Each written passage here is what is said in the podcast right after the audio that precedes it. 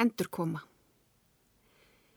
Um leið og hann var horfin úr auksín, spratt hún upp og gekk greitt án þess að hyrða um þrautirnar fyrir brjóstinu.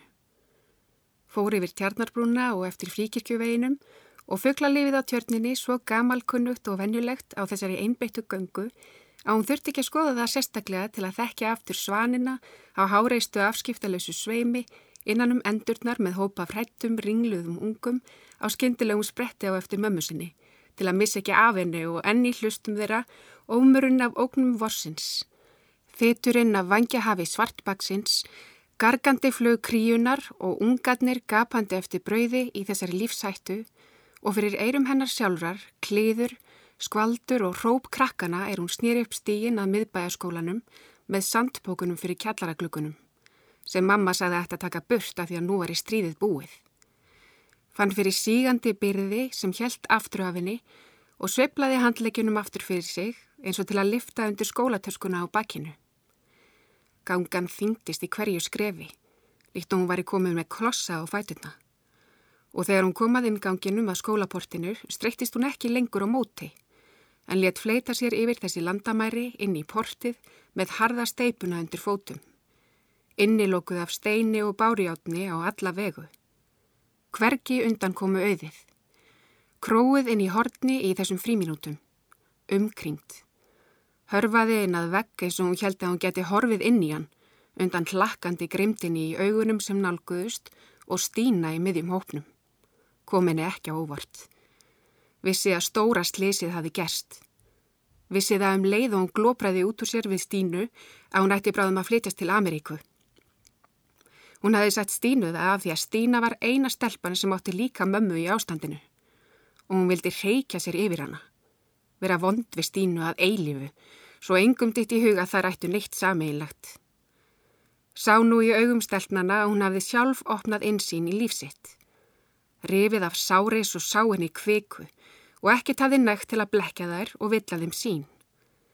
Það hafði ekki verið nóg að meina þeim að koma heim með ágenga forvitnina í augunum Svona leit hún þá út, kona í ástandinu.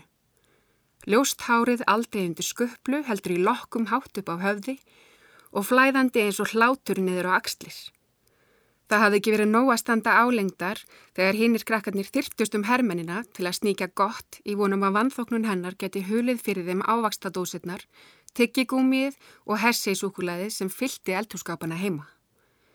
Það hafði ekki verið nóg að borða alla þessa kæfu. Ég fer ekki með hermannasúkulaðið í skólan, sagði hún og smurði brauðið sitt sjálf og hláturinn í mömmu knúðana til að skópla upp þykri kæfunni svo hún stóð í hraukum á rúbröðsniðinni og tóku utan af henni í skólastofunni í löngufríminútunum með miklum bækslagangi svo ekki færi fram hjá neinum að hún væri með rúbröð með kæfu sem hún tróð upp í sig á hverjum einasta degi.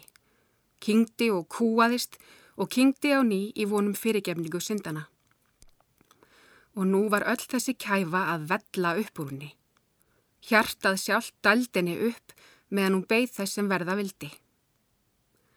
Er það því að mamma henn er í ástandinu?